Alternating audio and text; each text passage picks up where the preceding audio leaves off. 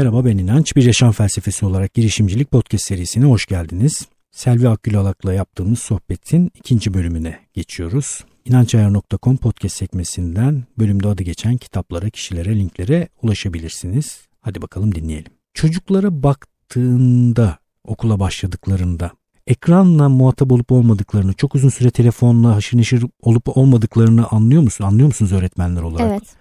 Yani orada bir şey var çok, mı? Çok çok çok net anlaşılıyor. Nasıl anlaşılıyor? Yani ne, ne gibi semptomlar görüyorsun? Bunu ben buradan bağıra bağıra söylediğim halde yüksek sesle bağıra bağıra derken azarlar tonda değil yani. Ekran 0-3 yaş arası özellikle sıfıra yakın neredeyse 0-0-0 dediğim halde hala dinletenler izletenler olabilir. Bizim evde televizyon hala bu arada kullanılmadı. Hala televizyon yok resmen. Ve bunun olumlu dönüşünü de çok alıyoruz. Yani hem Ediz'in üzerinde gözlemliyoruz hem de okula başladığında da söylendi bu. Nasıl görüyor? Ne görüyorsunuz? Semptomlar neler? Çok uzun süre ekrana maruz kalanlarda. Herhangi bir e, fiziksel engeli ya da herhangi bir sağlık problemi olmadığı halde e, yaşından geride kalmış dil gelişimi. Hmm. Hadi dil gelişimine geçtim. Özellikle kız çocukları bunu daha hızlı, e, çocuk kız çocuklarına daha hızlı geliştiğini görüyoruz. Okula başladıktan sonra çözüyor meseleyi yani değil mi? Evet e, çözüyor. Bir de dil gelişimini hani dil gelişimi belli bir noktaya ulaşmış çocuklarda da tıpkı böyle çizgi film ağzıyla konuşuyorlar. Oradan ha işte anlıyoruz. Hatta e, bazen o kadar e, net oluyor ki çocuğun hangi çizgi filmi seyrettiğini anlıyoruz. Evet. Aa bu şunu seyrediyor. Tabii. İşte dün de şunu seyretmişti. E, şu çizgi film dedi, şu çizgi film karakteri gibi yürüyor. diye bu çok net anlaşılıyor. Bana yakın dönemde koca kafalı dedi Ediz. Arada yolculuk sırasında sadece Ediz izleyebiliyor bir şeyleri. Biz arabadayken pijama askeriler diye bir şeydi. Sonra duydum Korkunç. koca kafalılar diyor. Bana çok hoşuma gidiyor da bu arada. koca kafalı demesi. Hangi çizgi film olduğunu bile anlayacak kadar modellenmiş olduğunu görüyorsunuz evet, değil mi? Evet.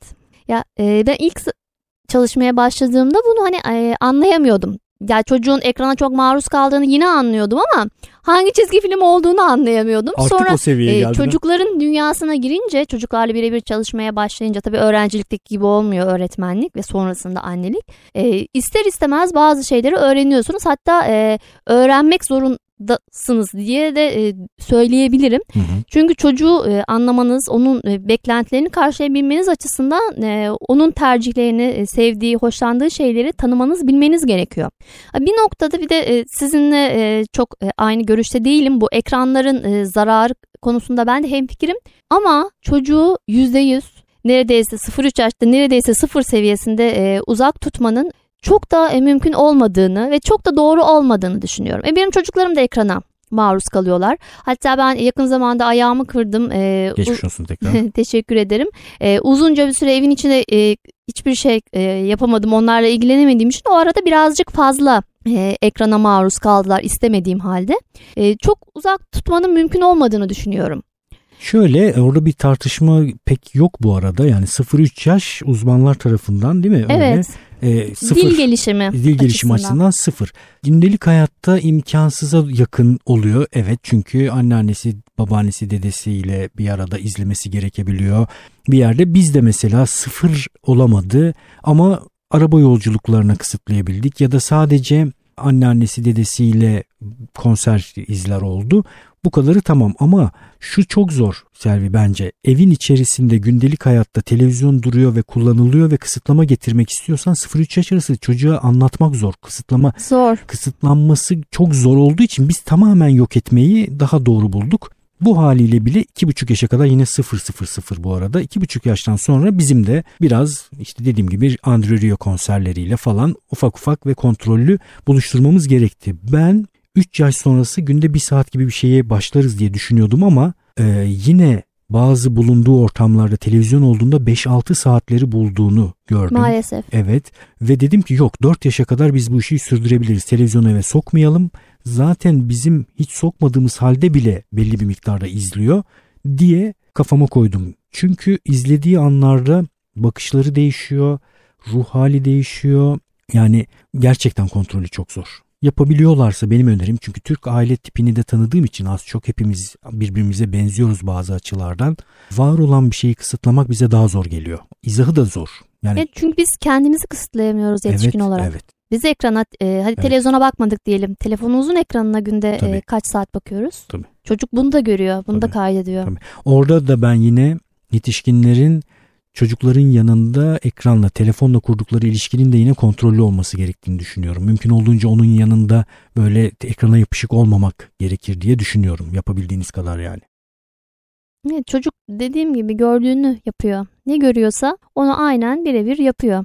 Peki sorular devam ediyor. Yorulmadıysan yani.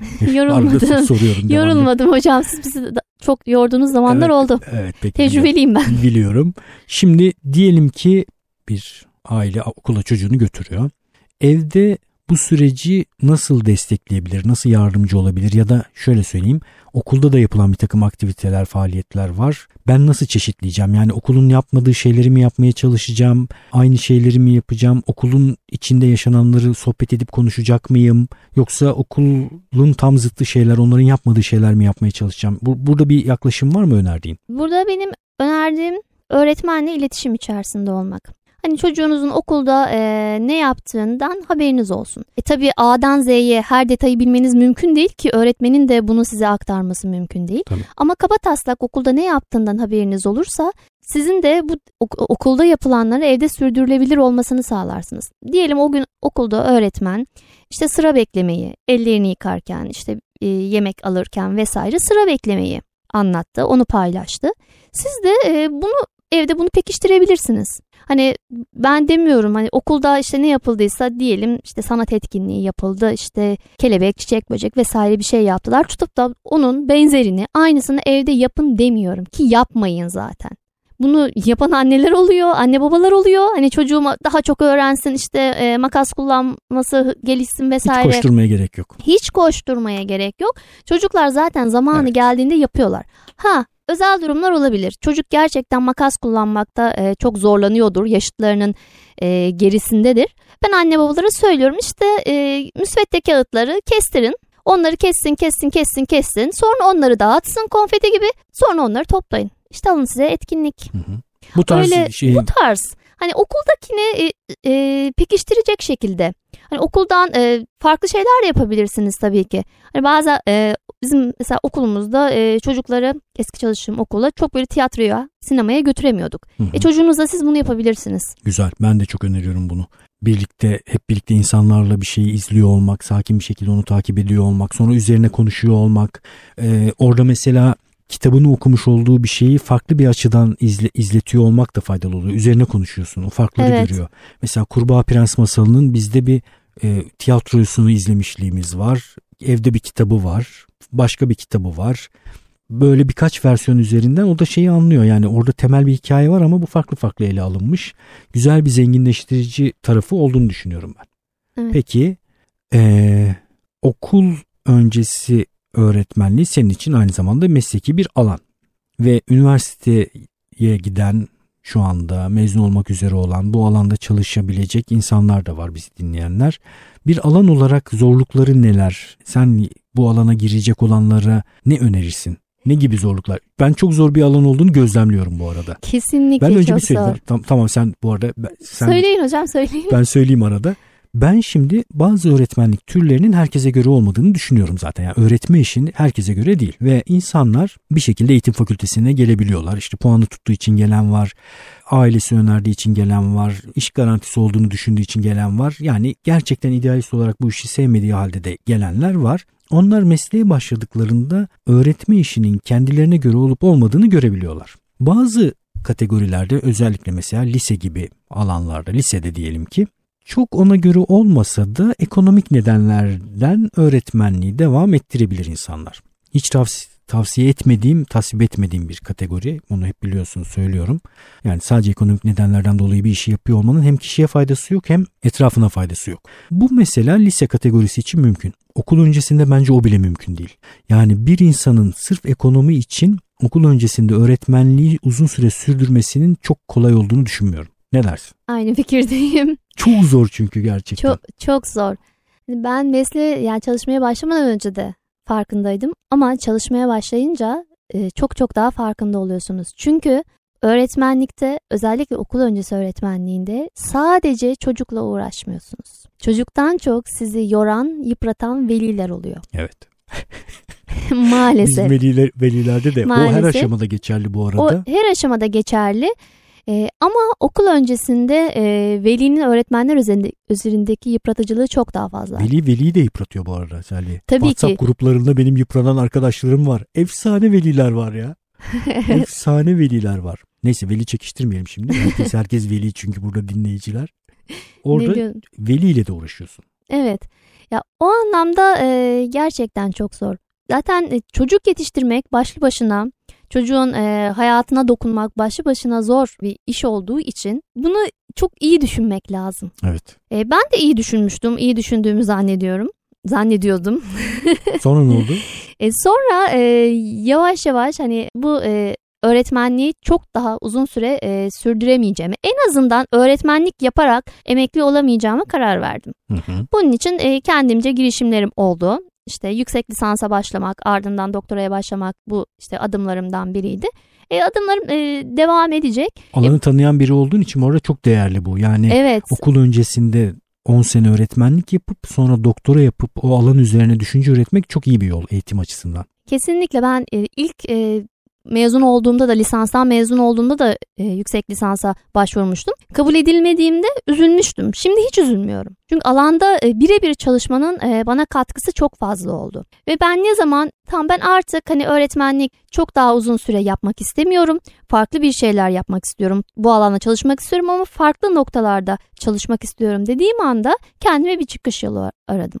Mesleğe yeni başlayacak olan arkadaşlar ya da işte e, Mezun eğitime olacaklar. mezun olacaklar. E, bu noktada e, hemen karamsar olmasınlar. Çok istekli olabilirler, çok heyecanlı olabilirler. Hazır heyecan, istek varken öğretmenlik yapsınlar, çalışsınlar. Sonra eğer olmadığını fark ettikleri fark ettiği anda kendileri için bir yol aramaya başlasınlar. Ama bazen de şu oluyor. Çok isteksiz oluyor.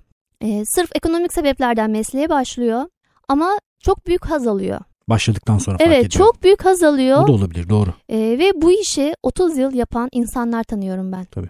Seviyorsan da bu arada Selvi Seviyorsan gerçekten da vazgeçemiyorsun. Tabii bir de canım. o var. Ben orada şimdi Ediz'i bırakırken görüyorum böyle minik minik Ediz benzeri bir sürü tip.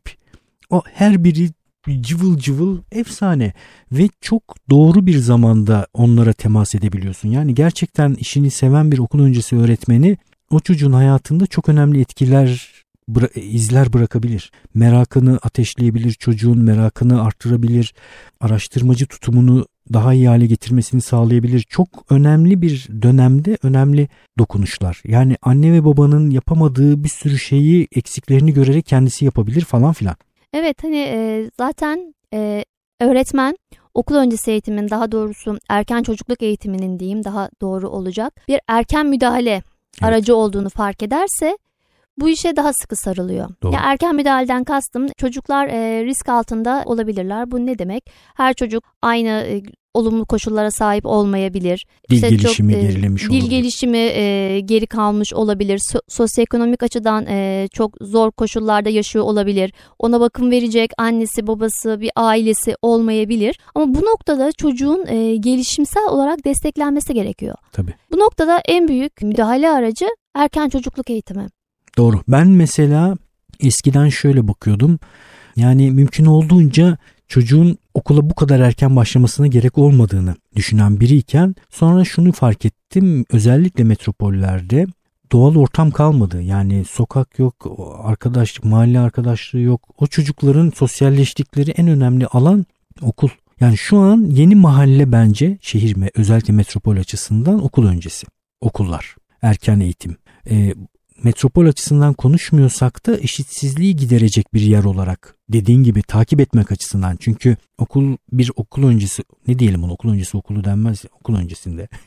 bir anaokulu anaokulu diyoruz değil mi? Anaokulu diyelim. Anaokulu diyelim. Bir anaokulunda takip edilen önemli şeylerden birisi de çocuğun gelişimsel açıdan bir sıkıntı yaşayıp yaşamadığını takip ediyorlar öğretmenler. Ve bir sıkıntı tespit ederlerse de müdahale edebiliyorlar. Ben zaten onu soracaktım bu arada onu sormuş olayım.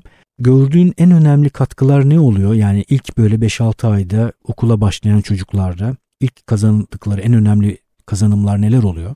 Dil gelişimi. Dil gelişimi değil mi? Dil gelişimi. Hiç konuşmuyor, anlıyor, tek tek e, kelime söylüyor, işte cümle kurmuyor diye e, velilerin bu tarz e, sözleriyle gelen çocuklar birkaç ay içerisinde gayet konuşmaya başlıyorlar. Çünkü konuşma bir e, okula geldiklerinde konuşma bir ihtiyaç, zorunluluk haline dönüşüyor. Evde benim çocuklarım iki buçuk yaşında hala e, konuşmuyorlar. Fiziksel bir engelleri Ortalığı olmamasına dağıtmayı rağmen. tercih ediyorlar değil mi bunun yerine? Evet. Bir de e, ikizler kendi aralarında anlaştıkları için yetişkinleri önemsemiyorlar. Biz anlaşıyoruz nasıl olsa e, siz bizi Onu anlamasanız da olur. Evet onlar ayrı bir kategori. Şimdi orayı karıştırmayın. Evde çok ihtiyaç duymazken çocuk çünkü e, gık dese anne ya da baba işte anlıyor su istiyor. Tamam şimdi su istiyor. Ama okulda e, gık dediğinde öğretmen acaba ne diyor? Ne diyorsun o mu bu mu şu mu derken çocuk ben artık konuşmak Su zorundayım. istiyorum be aman uzattım falan diyor Evet, artık çocuk sonunda? evet artık konuşmak zorundayım diyor ve konuşmaya başlıyor. Tabii bu güzel. herhangi bir e, fiziksel engeli yoksa. Selvi ile sohbetimizin ikinci bölümünü tamamlıyoruz.